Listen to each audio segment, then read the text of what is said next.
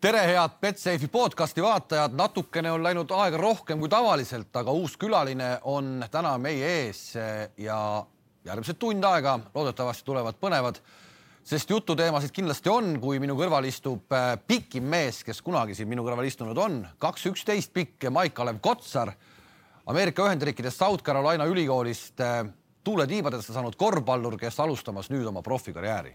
pikk sissejuhatus, aga tere. tervist kuule äh, teeme su nime asjad kõigepealt selgeks, et eh, Maik-Kalev Kotsar, su isa Egon on tohutu korvpallifänn eluaeg olnud ja, ja kas Maik tuleb eh, Michael Jordani järgi uh,? pigem vist mitte, aga ma ei ole kindel ka. mul vanemad ütlesid, kui ma väike olin, et küsisin oma nime kohta, öeldi, öeldi puhtalt, et uh, lihtsalt meeldis nimi Maik ja et see niimoodi kirjutatud on, siis meeldis eestipäraselt rohkem.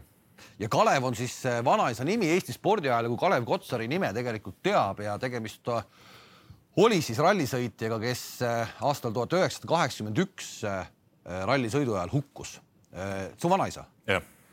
sina temast ei mäleta mitte midagi ja isa oli ka väike poiss siis? isa oli väike poiss, kui õnnetus juhtus, jah. Selle tõttu rallisõidust teie peres võib-olla väga lugu ei peeta ikka peetakse ei, ses suhtes äh, isa vaatab peaaegu et igat rallit telekast äh,, rallimängud meeldivad, noh. et selline väike rallipisik on ikkagi külge jäänud. ise, sina äh,? ise nii väga äh, pole vaadanud, aga rallimängud ikka meeldivad. Ja autoga sõidad ka loomulikult? South Carolina ülikool, Toomas Annuk oli mees, kes su sinna Äh, aitas, et su nooremast põlvest mm -hmm. me mhm. juba kõik tegelikult teame ja seda ülikooli aastad olid noh, keegi justkui nagu ei osanud oodata, mis sinust nagu saab. hakkame sellest peale, kui sa poleks saanud USA ülikooli, mis sinust siis saanud oleks?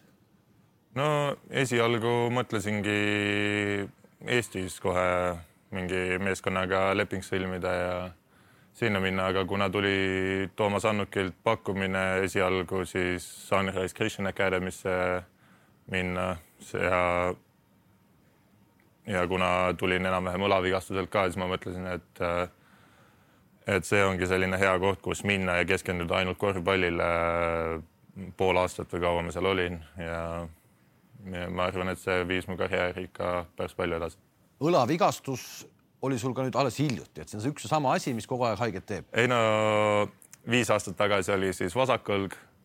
peale operatsiooni, kui ma sellest ära taastusin, siis see pole enam Äh, see pole enam murret teinud ja nüüd on parem õlg siis, äh, mis käis liigest välja, käisin opil ja ja nüüd peaks lähinädalatel uuesti tagasi korvpalliplatsil olema. mõlemad õlad siis täpselt üks ja sama asi? Enam-vähem üks ja sama asi, jah. huvitav, millest see tuleb, on sellele mingi järel, järgi ka saadud, see no, õlavigastus ei ole tegelikult korvpalluri puhul ju võib-olla kõige tavalisem vigastus. jah äh,, esimene kord, kui mul äh, õlg liigest välja läks, siis oli puhas trauma, et mul oli ikkagi ise olin mängu ajal põrandal pikali maas, pall oli või käsi oli palli peal. Et äh, käsi oli nagu õhus, kui ma ise olin külje peal pikali maas ja siis vastane kukkus veel õla peale, et see oli puhas trauma, kust äh, õlg käis liigest välja. aga muidu üleüldiselt jah, mul ongi see, et mul on mis see eesti keel ei on, aga hüpermobiilsed siis äh, liigesed ehk siis need liiguvad natukene rohkem kui tegelikult vaja. See ei ole ainult õla puhul, vaid see on ka teiste, teist, teiste liigeste no, puhul? no see on enamjaolt näppude ja õla puhul, et äh, põlved ja põlved ja teised liigesed on mul nagu tegelikult hästi vastu pidanud, et nendega muret pole olnud. kogu sellele nii-öelda hüper kuidas me ütlesime siis hüperaktiivsetele liigestele yeah,, jah yeah., et, et või mobiilsetele liigestele, selle saad jälle jälile Ameerika Ühendriikides äh,? ei, selles mõttes sellest ma olen enam-vähem kogu aeg teadlik olnud, et äh, näiteks näpud mul liiguvad vastassuunas ka natukene liiga palju. noh, näe, liigub niimoodi üles ja kõik näpud teevad seda? kõik näpud käivad niimoodi jah, et äh,, et selles mõttes jah, mul näiteks isegi hooajal käivad näpud liigest välja selline kaks-kolm korda hooaja peale, aga aga samas nagu näiteks valus ei ole, et äh, reaalselt ongi see, et äh, paned ise paika tagasi, lihtsalt surud näpud kokku ja paned teibi ümber ja läheb edasi, et põhimõtteliselt ikkagi nagu mustkunst natuke. no täpselt jah. okei äh, tegelikult päris huvitav, ma vaatan, nüüd ma vaatan su käsi natukese teise, teise pilguga, et ma arvan, kogu su karjääri jooksul, millest ilmselt kujuneb väga pikk karjäär. kuule, ma tegelikult tahtsin sind kutsuda juba maikuus siia, et sa pidid tulema maikuus Ameerika Ühendriikidest tagasi, aga sa ei tulnud, et sul läks selle tulekuga väga kaua aega. mis see põhjus oli, miks sa kaua kinni jäid sinna? no esialgu pidin tulema mai, mai kakskümmend äkki või ei, mai kakskümmend kaheksa oli see äh, päev, millal ma pidin tulema. ja samal nädalal oli mul siis äh, oli ka füsioteraapia õlaga. ja füsioterapeut oli palunud, et ma ütleksin talle äh, kohe, kui mul noh, midagi viga on, et äh, kuna ta elas äh, oma naise emaga, siis elas ka koos tollel hetkel, et siis ta ei tahtnud äh, tahtnud koroonat sinna tuua. ehk see oli tol hetkel juba USA-s tegelikult väga nii-öelda äh, kõva teema, see, see koroona. jah, ja siis äh, oligi nohu ja sama päeva hommikul ütlesin, et kuule, mul on nohu, et lihtsalt annan teada.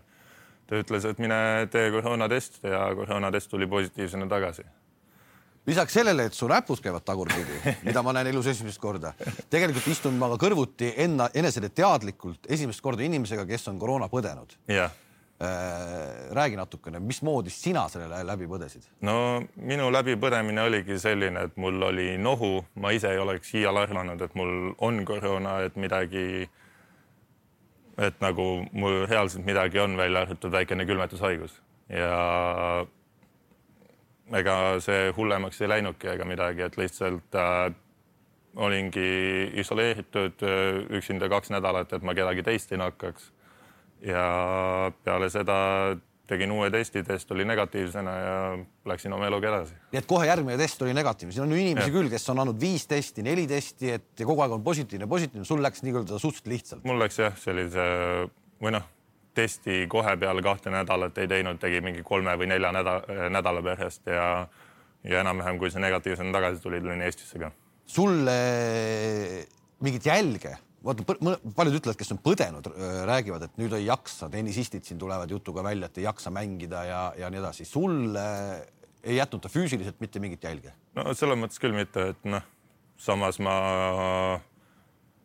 äh, polnud päris kaua ma ei ole olnud saanud nagu aeroobset või noh, füüsilist trenni teha õla, õlavigastuse tõttu, et kuna ma olin seda ainult äh,, seda kogu aeg ravinud ja noh, füüsiline vorm oli kehv tollel hetkel et äh, ei pannud tähele küll, et see oleks nagu kehvemaks midagi teinud. nüüd suvel sa oled olnud siin korvpallikodus äh, usinalt kaasa löönud, küll meeskonnaga vist äh, nii-öelda mängulist treeningut mitte teinud, aga põhimõtteliselt ikkagi oled käinud seal pidevalt äh, treeningutel äh,.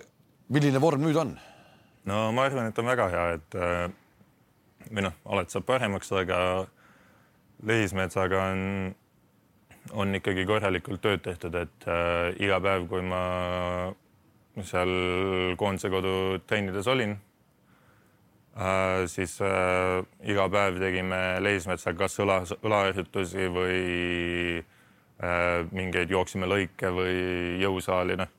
Anti sulle kava kaasa USA-st, mis sa pead tegema või Leismets ise nii-öelda? Leismets ise tegi, et äh, selles mõttes ta on ikkagi jah, väga aktiivselt tegelenud sellega ja aidanud mind väga palju ehk ta on äh, enam-vähem sama professionaalne, ehkki ta hilineb, nagu me teame väga palju oma töös on ta sama professionaalne kui Ameerika Ühendriikides. jah, jah, et äh, selles mõttes minu, minu arust ongi absoluutselt kõigega, et kui tahtmine on olemas, siis saab samamoodi teha enam-vähem kui sa nüüd tegelikult äh, võrdled äh, värskelt USA-st tulnuna, kus tehakse ikkagi nagu väga professionaalset tööd, Ameerika ülikoolis South Carolina ikkagi suur ülikool ka ja nii edasi siis milline see töö kvaliteedi vahe puhttingimuste osas näiteks oli siin Eesti korvpallikodus või Ameerika ülikoolis? no selles mõttes äh, ülikoolis on ikkagi paremad tingimused, et äh, noh, seal see rahastatus on ikkagi äh, ikkagi väga võimas, et noh, kui mänge käib ikkagi vaatamas keskmiselt, mis meil käis kaksteist, kolmteist tuhat inimest äh, mängu peale. pileti hind on? Pole õrna aimu nii? aga noh, kui ikkagi kaksteist, kolmteist tuhat inimest käivad vaatamas ja kõik ostavad pileti, siis no see ikkagi toob raha sisse, et siis saab ka kõik need äh, jõusaalid ja taastusavid ja kõik asjad saab äh,, saab viimase peal olla, et noh, Eestis see, Eestis nii suur enne fänni hulk, fännihulgad ei ole, et. kui palju sul äh, oli näiteks nii-öelda treenerite punt kogu selle USA ülikooli äh, satsi juures, et Frank Martin peatreener, aga tema mm -hmm. abilisi, kui palju kokku kõiki seal neid oli? no abitreenereid otseselt oli kolm, aga siis oli veel äh, noh, jõusaalitreenerid äh,, arstid, lihtsalt nii-öelda abistajad, kes nagu näiteks äh, üks mees oli varem NBA-s mänginud ja oli lihtsalt seal, et nagu õpetussõnu jagada iga natukese aja tagant, aga ta sellist taktikalist poolt äh, ei teinud. et äh, selliseid inimesi või noh, staff oli kokku siis rohkem kui mängijaid kindlasti, et mingi kakskümmend inimest vähemalt. ehk ükskõik, mis mure sul oli, sul oli kellegi poole pöörduda? jah, alati. Ja sa said abi ka? jah. USA öö, ülikooli sportlased justkui raha ei saa, aga, aga kuidas see, see, see meeskond on nii täisprofessionaalne mm? -hmm oli teil oma eralennuk ka, millega käisite mäng, mängudele, bussiga USA-s ei sõideta ju? nojah, ikkagi eralennukiga mängudele äh, niimoodi, et äh, päev enne läksime kohale äh,, tegime seal päev enne trenni, samal päeval siis hommikul viskamine, õhtul mäng ja kohe peale mängu enam-vähem tagasi lennuki peale, et järgmine päev kooli jõuda. kui sa läksid sinna USA ülikooli, arvasid sa, et sa noh, et see tegelikult on, kõik on nii nagu, nagu unelm, nagu see oli no,? põhimõtteliselt nagu väliselt unelm. jah äh,, ei, selles mõttes ma ei osanud väga oodata, et see nagu nii unelm on, aga noh, loomulikult käisin seal, külastasin ka seda ülikooli enne enne kui ma allkirjad alla panin. aga ega ma absoluutselt kõike ka seal ei näinud, sest tollel ajal, et äh, ei teadnud näiteks, et eralennukiga sõidud tulevad, ei teadnud, et me järgmine aasta Final Fouri kohe lähme äh,. noh, selles mõttes ikkagi ei teadnud noh, pooli asju. Final aga... Four oli siis kohe sinu esimesel, esimesel, esimesel aastal, aastal. Äh, kirjelda natukene, mida tähendab üldse nii-öelda sinna märtsi hullusesse jõudmine ühele ülikoolile ja sealt veel edasi Final Fouri? jah, et äh, märtsi hullus üleüldiselt noh, meie ülikoolis pole seda palju juhtunud, et äh, kui ma ei eksi, siis äh, enne seda Final Fouri viimane kord, kui me äh, märtsi hulluses äh, March Madnessile saime, oli äkki kaks tuhat neli või midagi sellist ja viimane, viimati, kui me võitsime mängu äh, seal enne seda Final Fouri aastat oli siis tuhat üheksasada seitsekümmend kaks äkki või midagi sellist. et äh, sellel ajal oli seal Frank McGuire oli, oli selline peatreener, kes ja. oli öö, äh, South Carolina ülikooli vist pikima ajalooga peatreener ehk et tegelikult üsna tuuline koht on olnud see peatreeneri amet, seal ei ole treenereid, kes liiga pikalt oleks. McGuire oli kuusteist hooaega, Frank Martin on nüüd kaheksas hooaeg, et see on tegelikult ikkagi kõva tunnustus ühele treenerile, et ta nii kaua vastu peab seal. jah, ei ta selles mõttes teeb ikkagi tööd korralikult, et ta äh, teda huvitab oma mängijate areng rohkem, kui teda huvitab äh, võit, et nagu ta pigem äh, pigem tahab, et äh, mängijad areneksid tema all, kui see, et ta jõuab märtsihullusele mingi noh, enam-vähem iga aasta, et okei okay,, jõudsite märtsi hullusele, aga seal hakkasid võidud tulema ehk Duke'i panite kotti, Baylor, Florida, et noh, Duke'i ülikooli alistamine, ma arvan, et äh, see võib jääda mõnele korvpallurile võib-olla üldse karjääri tipphetkeks. ei, selles mõttes, kui mäng sai läbi ja siis oli kätesurumine ja sai coach K-le, coach K-ga kätt surutud niimoodi, et sa teadsid, et enam-vähem surusid nad märtshulluselt välja, siis noh, see on ikkagi ulmeline tunne. ulmeline tunne ja siis äh, Final Fouris poolfinaalis siis äh, või oota, fina-, poolfinaalis tuli äh,. poolfinaalis tuli kaotus. tuli kaotus, eks, ja, ja, ja kuidas siis, milline tunne siis oli, et äh, no juba nii kaugele olite jõudnud? Jah et äh, esialgu oli ikkagi väga pettunud tunne, et äh, eks ma arvan, internetist võib leida ka paar intervjuud, kus noh, mina, mul olid pisarad silmas, kuidas äh, enam-vähem kõigil mu meeskonnakaaslastel on mingid intervjuud näiteks üleval, kus neil on pisarad silmas, et et kõik olid äh, väga pettunud, aga natukese aja pärast saime aru, et tegelikult me ikka jõudsime väga kaugele ja tegime midagi, mida kooli ajaloos ei ole kunagi tehtud. ja see oli su esimene aasta ehk et see võis tunduda järsku nii, et see käibki nii, eks aga tegelikult ei käinud, rohkem te sinna nii-öelda ikkagi lähedale ei jõudnud. et, et et no võib-olla tõepoolest ongi see mingi hetk, mida, mida ikkagi on korrata väga-väga keeruline. ei, loomulikult jah, et kui ikkagi nelja hulgas olla kolmesaja kahekümnest äkki või just, palju seal just. neid äh, meeskondasid on. Noh, see on ikkagi väga kõva saavutus ja, ja noh, öeldaksegi, et Final Four on siis või noh, March Madnessi Final Four on, on teine kõige vaadatum spordiüritus USA-s, et esimene on siis Super Bowl on ju. et äh, see, kui palju, teades, kui palju meediakajastust see sai, kui palju inimesi vaatas, no see on täiesti ulmeline äh, mõelda. Kui palju sa ise nii-öelda kohe sattudes sellesse karusselli nagu ehmatasid ära, et mis su ümber toimus, kui palju sa intervjuusid jagasid, kuidas see käis, pärast mängu ajakirjanikud olid riietusruumidesse, no nagu, nagu, nagu NBA põhimõtteliselt, eks? ei selles mõttes ei ehmatanud ära väga üldse, et äh, tegelikult noh, lihtsalt võtsin samm-sammult ja läksin nii-öelda vooluga kaasa. samas, samas ütle, kui ma eksin, kas ei olnud mitte nii, et samal aastal teie ülikooli tüdrukud võitsid, võitsid. ehk et äh, ehk kuidagi läks nii, et ei saanudki seda kõige suuremat aupaistet või siiski äh,? ei no selles mõttes noh, nagu ikka, siis äh, meeste korvpalli vaadatakse natukene rohkem kui tüdrukute oma, aga äh, aga noh, au neile ja nad tegid ikkagi väga hea töö ja nad said ikkagi, ma arvan, meist rohkem meediakajastust ja. saidki jah? jah, et äh, neil treeneri järgi pandi näiteks üks tänava nimi isegi ja noh äh,, isegi kui sa linna sõidad äh,, sinna ülikooli linna, siis sa näed äh, linnamärgi kõrval on kaks tuhat seitseteist naiste USA meister.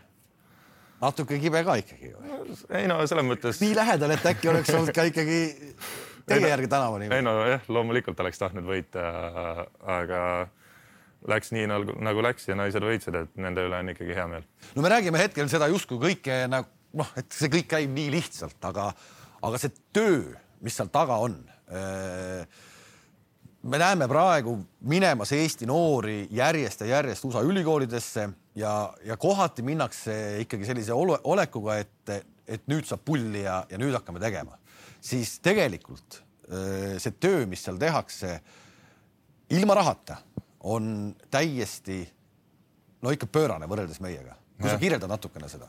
noh äh,, jah, see töö, tööd ikka on palju, et äh, minu päevad olid kella seitsmest hommikul kella kaheksani-üheksani õhtul, et äh, enne, enne väga vabat aega ei saanud. ehk sinna sisse mahtus põhimõtteliselt kolm treeningut, võib öelda nii? jah äh, ja..., üks, üks siis omal tahtel või noh, viskamine vaba, vabavoliliselt, et kui tahtsid, siis võisid minna. Äh, ja siis jõusaal ja saalitrenn ka veel ja siis loomulikult kool ja siis õhtul ka nii-öelda kodutööd see kõik lõppes sellega, et äh, sellesse äh, natuke võib-olla meie mõistes arusaamatule koormusele järgnes sinu ülikooli lõpetamine ja, ja sa said parima sportlase tiitli kuidagi kõikidest nendest aladest, mis South Carolinas on sa olid üks ja ainus, kes sai nii-öelda parima õpilase või sportlase tiitli. jah, et see ongi siis parim õppursportlase tiitli, et seal arvestatakse mõlemat nii äh,, nii spordi poolt kui ka kooli poolt ja jah, et äh,. selle valivad välja siis kes äh,? ma arvan, et. õppejõud. õppejõud jah, just. ja treenerid? nojah, loomulikult, et äh, kõik see, kes on ülikool või no ma täpselt ei oskagi öelda, ma ülikool, mille õpilaste arv on suures plaanis nelikümmend tuhat. nelikümmend tuhat, jah. on su nimi, no ütleme nii, et see on vähe, isegi vähe kõvem sõna kui see mingi tänavanimi tüdrukutele. et su nimi on täna kuskil ülikoolis ju seina peal olemas, et eh, Maik-Kalev Kotsar sellel aastal parim sportlane. jah.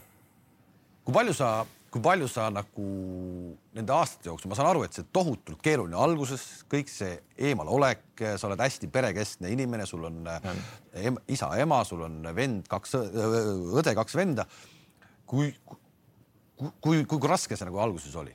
no eks reaalselt iga aasta tuli koduigatsus peale mingi hetk, et äh, aga samas noh, vanemad ja õed-vennad on väga-väga toetavad, et me põhimõtteliselt iga nädal helistasime, noh, kuigi need ajavahed, ajavahedega oli raske vahepeal äh, helistada ja noh, mõlemal vaba aega leida, aga aga kokkuvõttes nagu Äh, selles mõttes kogu aeg nad äh, toetasid ja andsid seda lisatuge, mis mul vaja on, et äh, edasi jõuda. Frank Martin, palju öeldakse, et inimesel, noorel mehel sõltub väga palju ka sellest, kelle juurde ta satub, et kuidas see karjäär läheb. sa sattusid Frank Martini juurde, kes ei ole võib-olla oma natuurilt, vähemalt välimuselt ja olekult, ma ju näinud teda ega ei tunne teda aga selline suht karm vend, et, äh, et sa sattusid tema juurde mm. -hmm. millegipärast mulle tundub, et sulle sobis seal tema juures ja, ja sina sobisid talle ka. millega sa ta ära võlusid? tööeetikaga? jah, et äh, noh, esiteks äh, külastuse ajal ma, mul on täpselt meeles see, kui ma käisin vaatamas nende mängu, noh, enne kui mul allkirjad alla sai äh,, käisin vaatamas äh, mängu, mis oli siis nende senior game ehk siis kus, äh, mis oli nende neljanda aasta poiste, viimase aasta poiste viimane kodumäng. ja see olene- või noh, sellest ole, olenes ka see, kas nad saavad enam-vähem sinna märtsi hullusele või ei saa. aasta oli kaks tuhat kuusteist vist ja ja nad olid poolajaks mingi kahekümnega maas või midagi. ja siis pool ajal riietusruumis nagu nägin, kuidas Frank Martin tegelikult sõimas kõigi näod nagu individuaalselt, lihtsalt iga mängija võttis ette ja sõimas kõigi näod täis. ja noh, alguses ehmatas ära küll ikka, noh, et, et noh, treener on ikka päris hull. Aga nähes, kuidas siis need mängijad tegelikult vastasid sellele, et noh, kõik tulid kõik tulid poolajal ja panid lihtsalt täiega ja andsid endast parima ja nähes, kuidas see tegelikult positiivselt mõjus neile, siis noh, sellega sain nii-öelda respekti või austuse treeneri vastu ja ja enam-vähem selle tõttu ma ka otsustasin sinna ülikooli minna. kui mitu tõsist jutuajamist sul temaga oli uh,? lugemine läks sassi vahepeal, et. aga ikka oli no,? et sa ei olnud mingi lemmiklaps talle, et sa pidid ikkagi kogu aeg tõestama? jah, ei, tal, tema põhimõte ongi selline, et noh, need inimesed enam-vähem, kes talle rohkem meeldivad, et neid ta ei, nendega ta ei ole leebem, vaid nendega ta on karmim, et et isegi noh, vahepeal oli treeningutel, kui see mingi viga või noh, äh, keegi tegi midagi valesti. Vahepeal sain ka mina vastu päid ja jalgu, et keegi teine tegi midagi valesti, et mina ei olnud teda, talle, teda piisavalt aidanud, et ta teeks seda õigesti näiteks. et äh, paljudes olukordades ongi see, kus ta tegelikult võtab selle nii-öelda oma lemmiklapse või oma need, keda ta rohkem usaldab, võtab äh, need rohkem ette teiste vigade pärast juba. kui keeruliseks ta ühe Eesti poisi jaoks selle mängu ajas? Äh, meil kogu aeg räägitakse, et Eestis mängitakse tarka korvpalli. kui keeruliseks ta ajas, kui, kui, kui sirgjooneline see mäng oli teil või kui keeruline see mäng oli? no selles mõttes liikumisi oli palju, aga kõik liikumised olid äh, nii-öelda ühtede põhimõtetega, et tegelikult äh, noh, viimased äh, aasta-kaks oligi, ma sain enam-vähem aru, mis need, mis see, mis need täielikud põhimõtted olid, et nagu isegi kui ma ütleme, liikumine ei tulnud meelde, siis ma sain aru, mida ta nagu tahab ja kus ma tegelikult olema pean, ilma liikumist teadmata. aga see liikumist ja ma ei tea, kas tal oli mingi vihik ka? no ikka kui, oli jah. kui paks see oli siis? no ma ütleks, et koos kaitse ja kaitseliikumiste pluss äh, nii-öelda külje ja otsaahutidega võis meil olla mingi kaheksakümmend liikumist äkki või? kaheksakümmend? just päris jõuline.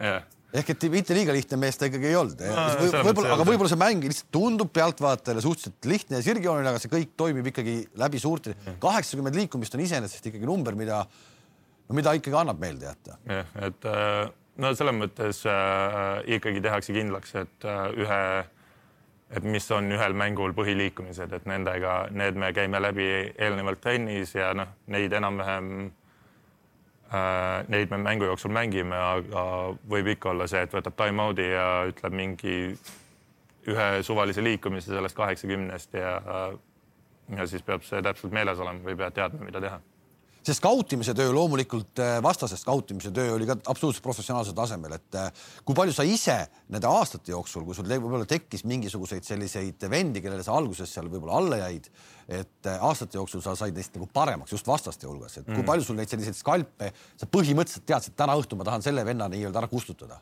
jah äh,, mul on täpselt meeles äh, Grant Williams, kes praegu mängib Boston Celticsis. et äh, temaga kolm aastat siis äh, mängisime, esimene aasta ma mäletan, kuidas ta noh, ma ei saanud temaga kaitses hakkama, et ta kogu aeg ikkagi viskas oma punktid ära ja ja tal noh, selles mõttes ikkagi, kui üks-ühe vastu võtta, siis ta võitis mind enam-vähem iga kord, aga kolmanda aasta peale oli juba see, et nagu ma õppisin, õppisin teda mängijana tundma palju paremini ja julgen öelda, et äh, kaks mängu, mis me minu kolmandal hooajal mängisime, kummagil korral ta üle kümne punkti ei visanud, kui ta hooaja peale keskmised olid äkki, julgen öelda, mingi kaheksateist, üheksateist punkti no su enda punktid, kui me vaatame läbi aastate, viis koma kaheksa, seal kuus koma kaheksa koma null, kuus koma üheksa, viimasel aastal üksteist koma kaks. olemata mingi punktimasin, siis üksteist koma kaks on ikkagi juba väga korralik keskmine punkti arv. mille pealt see viimasel aastal äh, nii heaks läks? no enesekindlus, ma arvan, et äh, jah, et äh, noh, loomulikult tegin tööd ikkagi oma viske kallal ja äh, pallikäsitlus äh,, lauavõitlus, noh, kõige kallal tegin äh,, tegin tööd, aga ma arvan, et mille pealt see tuli, oligi enesekindlus, et äh, äh, lihtsalt äh, reaalselt tundsingi ennast enesekindlamana, käisin äh,, käisin näiteks mediteerimas käisin, käisin, rääkisin inimestega, kellega vaja oli, noh, nii treenereid kui räägi natuke sellest mediteerimisest, see on mm. -hmm. see on siis ka ikkagi nii-öelda võimalus, sa tahad, sa küsid, et mul on vaja nii-öelda kuidagi oma psüühika paika saada ja, ja, ja lähedki. jah, et äh, äh, jah, anti võimalus äh, mediteerima minna ja otsustasin võtta selle ja see tegelikult aitas mind ikka väga palju. Et ma olen selline inimene, kes mõtleb üle, analüüsib üle kõike, et noh, näiteks kui ma olen ütleme keskpositsioonil palliga, siis ma mõtlengi, et kas praegu oleks mõttekam visata või sööta. ja see väike kõhklus äh, mu peas nagu võtab täpselt nii palju aega, et olukord on möödas. just. ja mediteerimine aitaski siis nagu nii-öelda heas mõttes pea tühjaks võtta, et nagu, et, et reaalselt suutsin mediteerimas võtta minuti, kus ma ei mõtle mitte millegi peale. ja see aitas mind äh, edaspidises mängus ka, et ma ei hakanud nagu analüüsima asju üle ja ja siis oligi see, et ma ei mõelnud ma ei mõelnud, kas nüüd pe- pean sisse viskama või mööda viskama, vaid äh, mõtlesin selle peale, et noh, see on nüüd hea vise siit visata. viskan, kui läheb sisse, läheb sisse, kui läheb mööda, läheb mööda, aga ma tean, et see on hea vise. Aga see nii-öelda peatreeneri äh, mudelis äh, oli sul luba ikkagi kogu aeg panna, sa ise. Luba oli. jah, luba oli, sa, sa ise oma nii-öelda äh, põdemisega jätsid sageli viskamata mille eest sa said siis ilmselt ka Frank Martinilt peapesu sain peapesu jah. nii, ja nüüd siis sa käisid mediteerimas ja sa said oma mõtted puhtaks mm. -hmm. no see kõlab nagu selles mõttes siin Eestimaal natukene nagu ma ei usu, et Eestis keegi väga palju kossumeestest mediteerimas käib, aga ma et sa ei olnud oma satsis siis ainukene või, või tegelikult selliseid, kes nagu käivad kuidagi mõt-, nii-öelda oma mõtteid paika mm. saamas, neid on. nojah, mediteerimise puhul ma olin vist äh, ainukene, et äh, noh, tollel hetkel, kuna mu kolmas aasta läks üsnagi aia taha, siis olin valmis proovima mida iganes enam-vähem ja ja mediteerimine noh, pakuti välja, mõtlesin, et miks mitte. et halba see niikuinii ei tee ja läksin, proovisin ära selle asja ja ja jah, mul, mulle aitas väga. kui sa nüüd tagantjärgi võtad äh, kõiki neid aastaid, siis milline oli sinu äh, aastate kõige nagu sügavam auk, et kui sa olid nagu sügavas augus umbes, et siit ei tule enam mitte midagi, see oli see kolmas aasta? see oli kolmas aasta jah, et äh, kolmandal aastal noh, oligi see, et ma mõtlesin asju üle. et äh, viskasin ühe korra keskpossilt või isegi korvi alt mööda, siis mul hakkas see nagu peas ringi käima, et noh, et nüüd ei ole mõtet uuesti visata või ei ole mõtet teravust luua, kuna ma viskasin mööda, et äkki viskan uuesti mööda. seesama asi kajastub natukene ka tegelikult nagu vabavisetes, et esimene aasta sul oli seal äh, see vabaviske protsent seal neljakümne juures, siis viiskümmend kuus ja siis uuesti alla viiekümne ja viimasel aastal kuuskümmend üheksa. ehk see näitab täpselt ära selle, minu arust vähemalt, et, see, see auk oligi kolmas aasta ja, ja sa said naksti seitsmekümne peale. jah, et äh, noh, vabavisetega on vaja tööd teha, aga selles mõttes see ongi, vabavisked on minu jaoks vähemalt nii palju enesekindluses kinni, et noh, kui sa ikkagi lähed ja mõtled, et sa viskad selle sisse, siis sa ikkagi ikkagi viskad selle enam, enamjaolt sisse, et äh, noh, kui sa lähed mingi väikse kõhklusega vabaviskejoonele, siis ma arvan, et äh, sealt tulebki see möödu ise ka see on, see on äh, kindlasti huvitav, see just seesama, see enesekindluse teema ja värk, et, et sa olid nagu üksinda, et kui me vaat-, äh, võib-olla mõni mõtleb, et noh, et siit ei saa, et siit ei, ei tule nagu mitte midagi. toome näiteks selle Kristaps Borzingise, kes täna mängib Tallases, läks New Yorki omal ajal, eks mm. -hmm. et ta, ta ju läks tegelikult koos perega, olles juba täismängija, tal oli kogu perekond kaasas. ta kodune keskkond säilis, tal oli õhtul kotlet laua peal, tema asi oli ainult mängida. ta isa, ema, vend, kõik olid seal, eks. et see on nagu täiesti erinev maailm sellest, milles sina olid kunagi istus äh, Tanel Jook siin sinu koha peal, kui ta läks noore poisina ka äh, krossi sõitma Belgiasse ja, ja sealt koorus ka sama asi välja, et sa pead ikka olema nagu jube kõva vend äh, jäämaks selles konkurentsis ellu et, et temal samamoodi olid seal nii-öelda võõrad poisid koos vanematega, ei, ei lastud tal pesu pesta, neid krossi riideid ja nii edasi. ehk sa, sa võitled kogu aeg, võitled, võitled, võitled. ma, ma, ma saan nagu aru, et sa võitlesid täpselt samamoodi. jah, et äh, ma arvan, et see, et mul kedagi reaalselt juures ei olnud, kes noh, füüsiliselt juures olnud, kes oleks aidanud, et see tegelikult noh, kasvataski mind, kasvatas kiiremini ja lõppude lõpuks ma arvan, kasvatas paremini, et et see ongi enam-vähem selline koht, kus noh, viska vette ja küll sa õpid ujuma.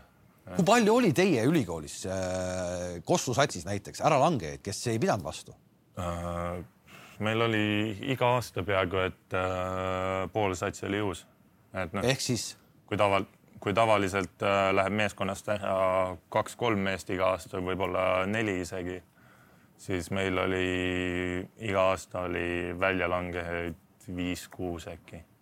ja niimoodi, et noh, kaks aastat meil ei olnudki kedagi, kes nii-öelda ülikooli lõpetas äh, vaid olidki lihtsalt väljalangejad, kes langesid enne lõpetamist, langesid välja, noh või noh, aasta enne lõpetamist või midagi sellist ja ja siis äh,. langesid välja puhtalt sellepärast, et see koormus, see psüühiline surve, kõik see oli noorele inimesele vastu võtmata. jah, et äh, noh, Frank Martinile meeldibki sellist noh, survet avaldada ja meeldib, et meeldib, kui mängija vastab vastab hästi, et äh, positiivselt. et äh, teeb tööd edasi, aga paljudele oligi see üle jõu käiv ja siis nad kas otsustasid ise äh, meeskonnast lahkuda või Frank Martini soovitusel. et tegelikult Frank Martin ise ei saa, ei saa kedagi otseselt välja visata, noh, koolist, et kuna, kui sa kooliga koolile allkirjad alla paned, siis sul on neli aastat garanteeritud äh, äh, õppimist. õppimisteks, jah. et äh, jah, oligi siis kas Frank Martini soovitusel või ise tahtsin. siis äh, ma ei tea, oli sul mingi hetk, kus sa mõtlesid, et, et sul jääb ka asi katki? ei, ei olnud, et äh, isegi kui äh, raske oli, siis äh, noh mõtted olid ikka sellised, et nüüd ma panen täiega lihtsalt lõpuni ja tuleb sellest, mis tuleb enam-vähem. et äh, kolmas aasta oli küll, oli natukene raske ja, ja noh, endalgi tekkisid kõhklused, aga ei tekkinud kõh kõhklused sellega, et asi jääb katki, et kõhklused lihtsalt sellega, et mis saab peale ülikooli uh,. ja paningi lihtsalt täiega edasi ja viimane aasta läks hästi. see on ähm, äh, tegelikult minu arust veel suuremaks läheb see sinu, sinu see tiitel, see parim sportlane ja parim õpilane, et äh, see, see kogu see jutt teeb selle asja veel suuremaks. mis su viimased sõnad Frank Martiniga olid, kui lahku läksite lõpuks äh,? viimane asi, mis Frank Martin mulle ütles, oligi, et äh, et kui sul on vaja millegagi abi, ükstaskõik millega, olgu see kost, tavaelu, mis iganes äh,, et minu number on sul alati saadaval, et helista, millal tahad ilmselt selliseid vendi liiga palju ei ole, et äh, see raamat tal liiga paks ei ole. sa tõestasid äh, sellisele titaanist vennale, et sa oled samasugune betoonvend. just, jah, et äh, ta, ta otsibki noh, inimesi, kes peavad nii-öelda tema karmile režiimile vastu, et noh, need neli aastat ta peedistab sind nii palju, kui suudab ja kui sa vastu pead, siis oled ikkagi noh tema, tema on sul alati olemas peale seda. seega täna sul minna mingisse satsi, ütleme siin Euroopas, me teame euro, euroliiga satsi, kus ütleme, Jassikevitšus hirmsalt röögib ja karjub, Obradovitš hirmsasti röögivad ja karjuvad. sa, kõik tuttav teema? noh, selles mõttes küll jah, et ma väga väga peale aega South Carolinas ei karda absoluutselt röökimist väga hea. Jukka Toiala, kelle käe all sa nüüd said ka natuke harjutada, on muidugi täielik vastand, et, et tema seda ei harrasta ja, ja see võib-olla tundub isegi sulle natukene liiga lihtne ja ei ärata sind ülessegi. ei, ei ole nii, et äh, ma, mul on nagu alati see, et noh, korvpall äratab mind alati üles selles mõttes, et ei ole kunagi sellist olukorda, kus mind äh, kus on vaja treenerit, et äh, motiveerida mind tööd tegema või motiveerima, et äh, ma mängiksin nüüd normaalselt. mis sinust nüüd siis saab? Äh, palju räägiti sellest, et NBA draft'ist sind näeb, äh, näeb siis või ei näe? no selles mõttes nimi on üleval. et kui mingi meeskond on huvitatud, siis tegelikult, tegelikult on võimalus neil ka mind ära võtta. jutud käivad, et jätkab tegelikult Saksamaal saad sa sellest rääkida täna, kui me oleme hetkel augusti alguses või veel mitte?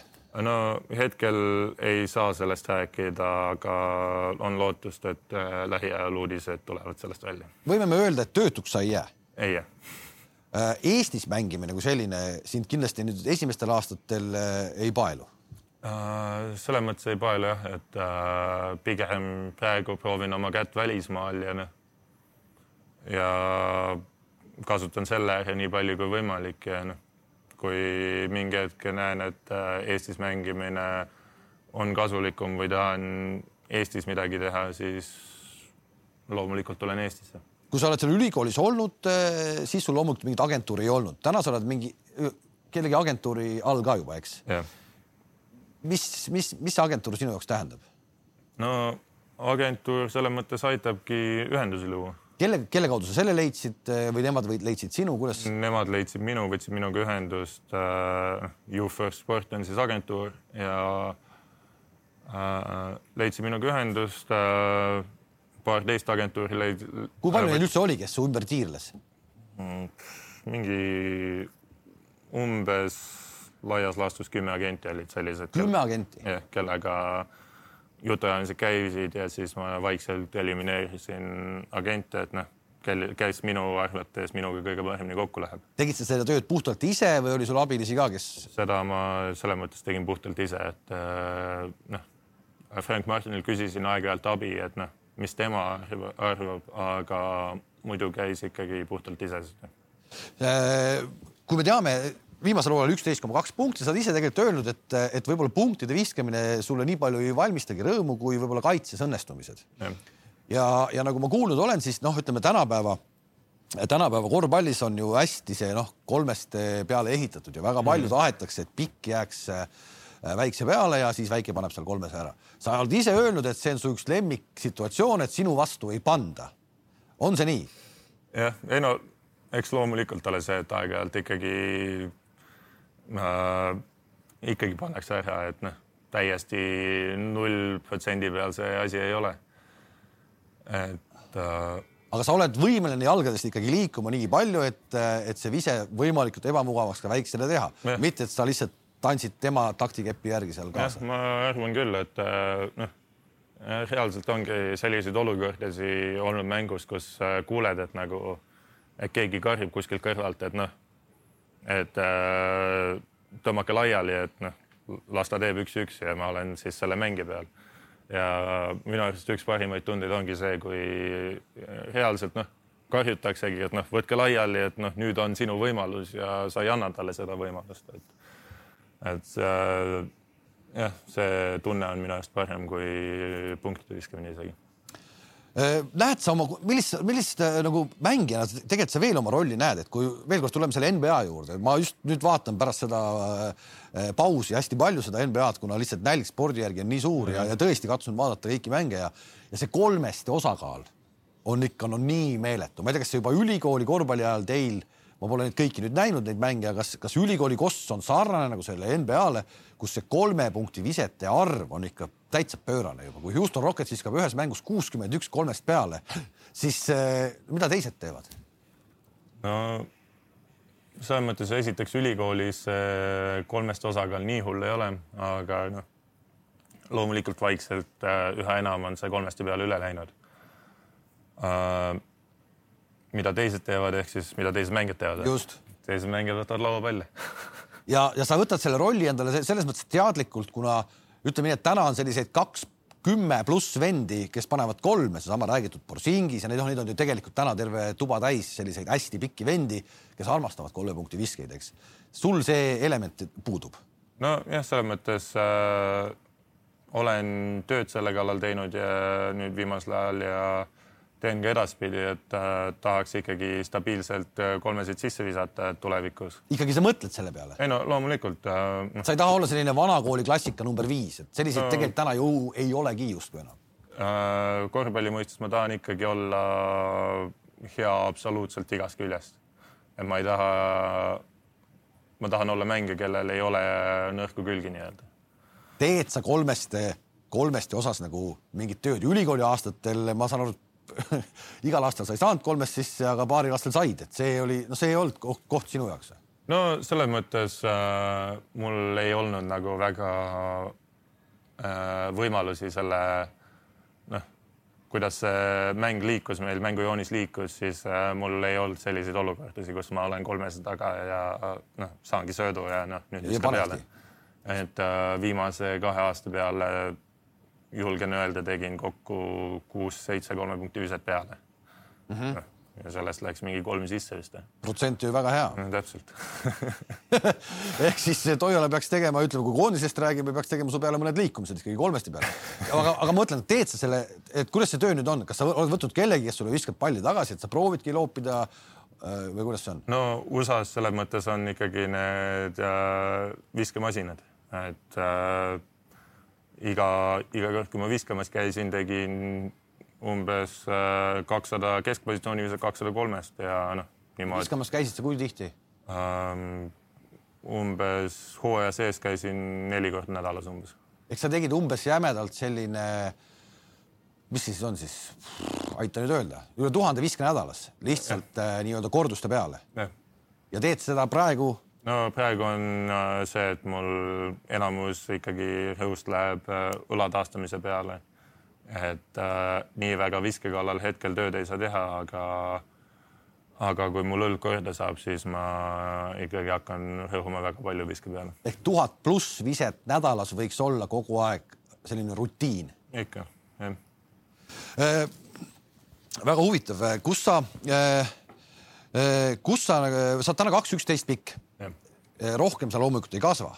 räägi oma kasvamise ajast. Eh, kui kiiresti sa oma täis viskasid selle kasu, kasvu? no kui ma Audentesesse jõudsin või noh, Audentes spordikooli, siis üheksandasse klassi ma olin üks seitsekümmend seitse oli mõõdetud. üheksas klass? üheksas klass. see ei olnud mingisugune nii-öelda. no ma olin ikka teistest palju lühem. ja just ehk et see on ju, ei ole, ei ole väga pikk kasv, nii uh, siis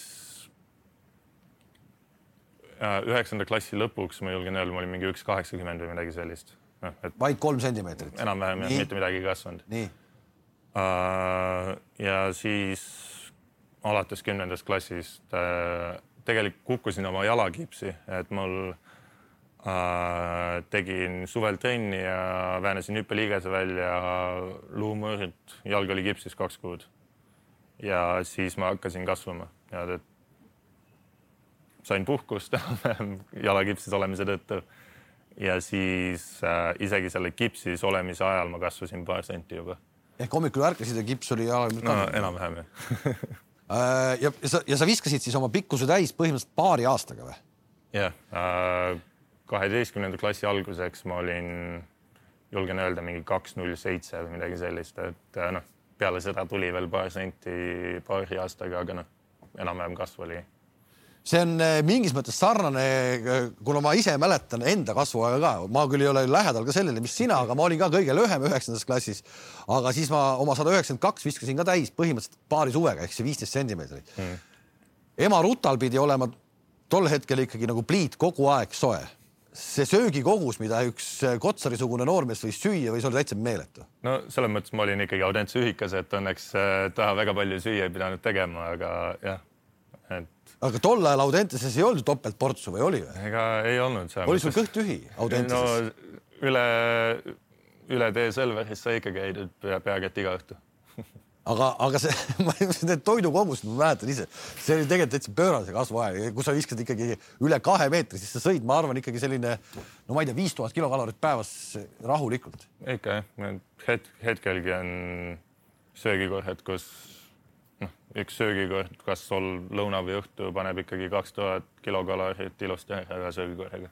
Ehk see ei ole sul söögiisu ei ole kadunud? ei ole mitte kuskile kadunud. kui, aga kui üldse toidusedel rääkida USA ülikoolist, et näiteks sealt ka, et toidusedel pandi sulle ette või sa võisid äh, süüa kõike, mis tahtsid? no selles mõttes meil oli äh, noh, nutritionist, mis on siis eesti keeli, oskad öelda?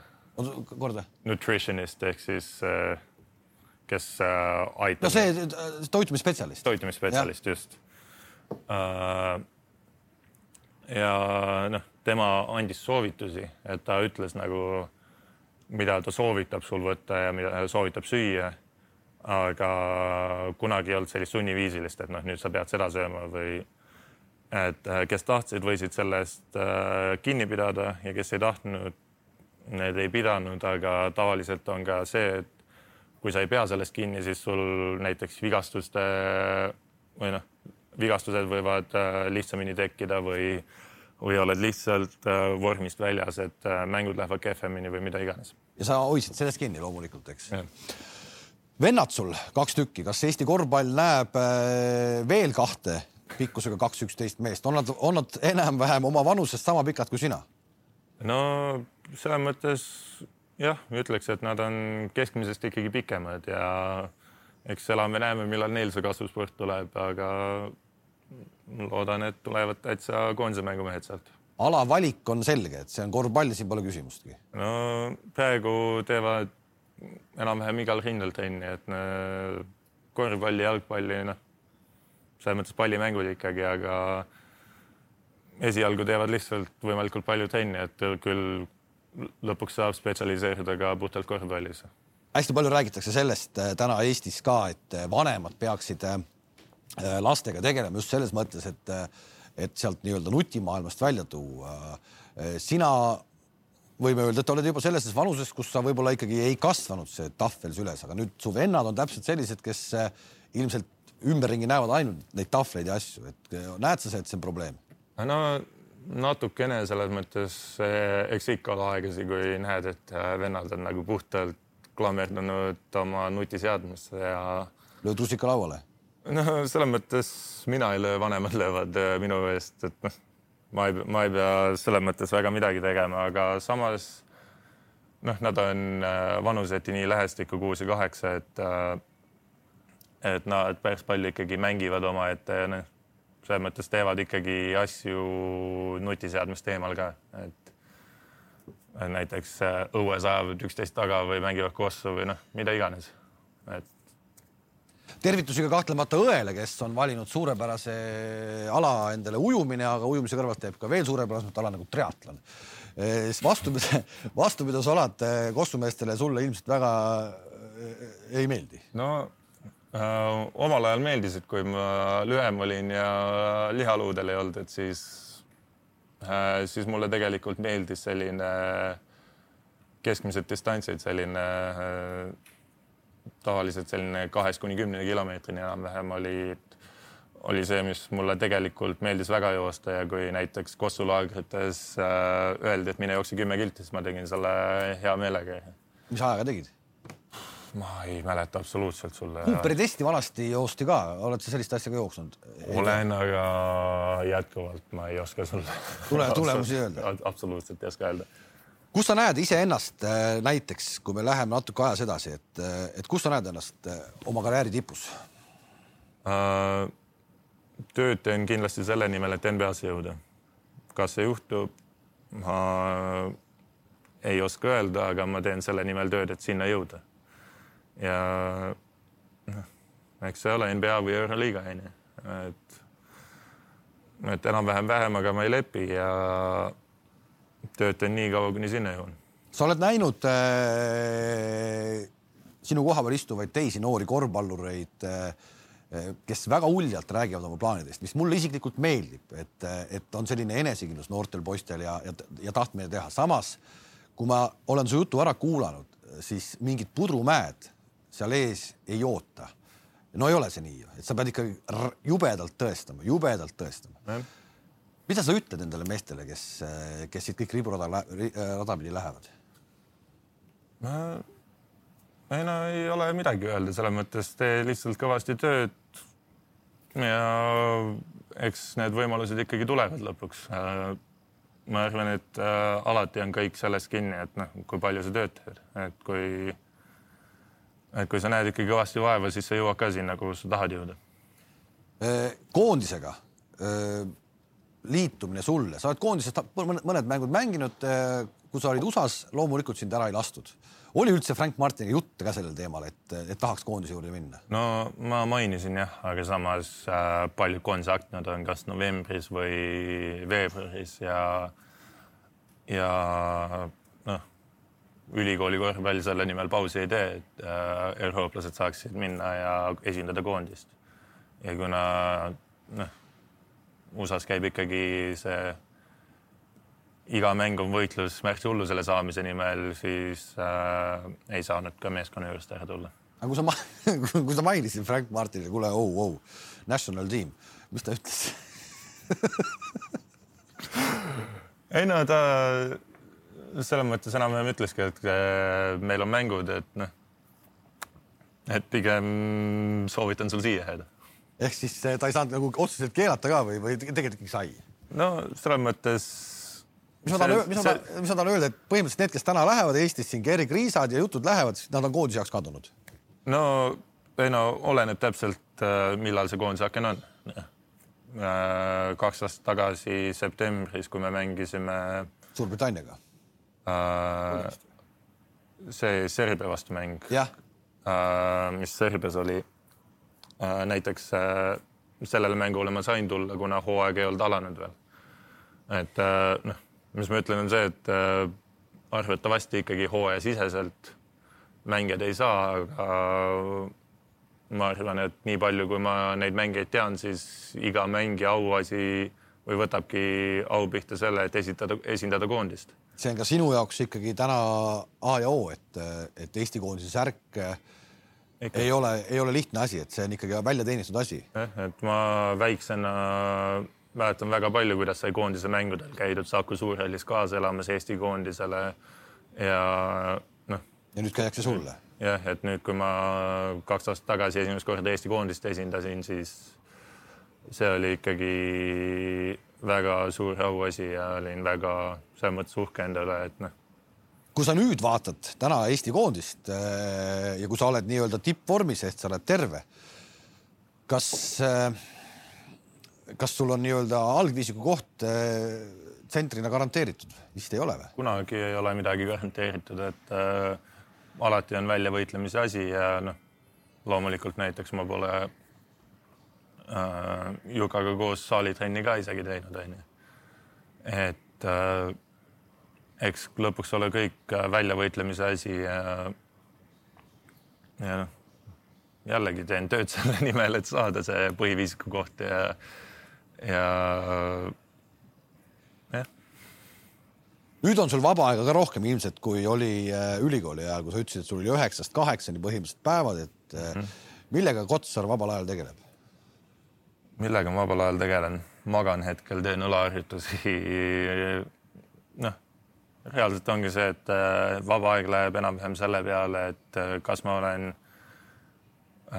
kas ma olen perega või kodus lihtsalt reaalselt teengi jällegi tööd selle nimel, et äh, õlaga võimalikult kähku tagasi tulla, et ma saaksin järgmine hooaeg olla sajaprotsendiliselt valmis. ühtegi hobi, sellist huvitavat hobi, mis sul aega rööviks, raha rööviks mm, täna ei ole? Reaalselt ei olegi mul väga mingisuguseid hobisid, et noh. puhtalt keskendunud korvpallile? enam-vähem küll, jah. ma ei oska midagi öelda, mis oleks nagu selline jõhker hobi, mille peale aega läheks, raha läheks, mida iganes. Need neli aastat Ameerika Ühendriikides on tekitanud sulle ikkagi ka sellise äratuntava väikse aktsendi, et, et, et kas sa näed oma tulevikku kunagi Ameerika Ühendriikides elamas või, või Eestis äh,? Tulevikus ikkagi pigem Eestis, et äh,, et noh, Eesti on ikkagi kodukoht, et äh, üles kasvanud ja pere siin ja nii edasi, nii tagasi, et noh pigem, pigem ikkagi oleks Eestis ja samas ka aitaks Eesti korvpalli edasi. ehk sa näed ka täielikult ennast ka mängijakarjääri lõppedes öö, korvpalli juures? jah, et noh, loomulikult ei oska öelda, et kas see ka juhtub, aga hetkeseisuga ma küll näen, et ma tahaks, tahaks ikkagi Eesti noori aidata ja Eesti korvpalli edasi viia. aitäh, et sa tulid Äh, kõva töömees äh, ja, ja, ja kõva kossumees, et äh, ootame väga, et sa saaksid ka koondise eest nüüd väljakule, loodame, et novembris need mängud toimuvad, siis sa oleksid koondise juures olemas. aitäh sulle ja edu, aitäh, et vaatasite. Maik-Kalev Kotsar täna meil külaliseks oli. Ja kes arvab, et Ameerikas on kõik ilus ja, ja, ja mõnus, siis kuulsite ise, et tegelikult peab ikkagi ise olema väga kõva töömees, et seal, seal hakkama saada. aitäh, et vaatasite, kohtumiseni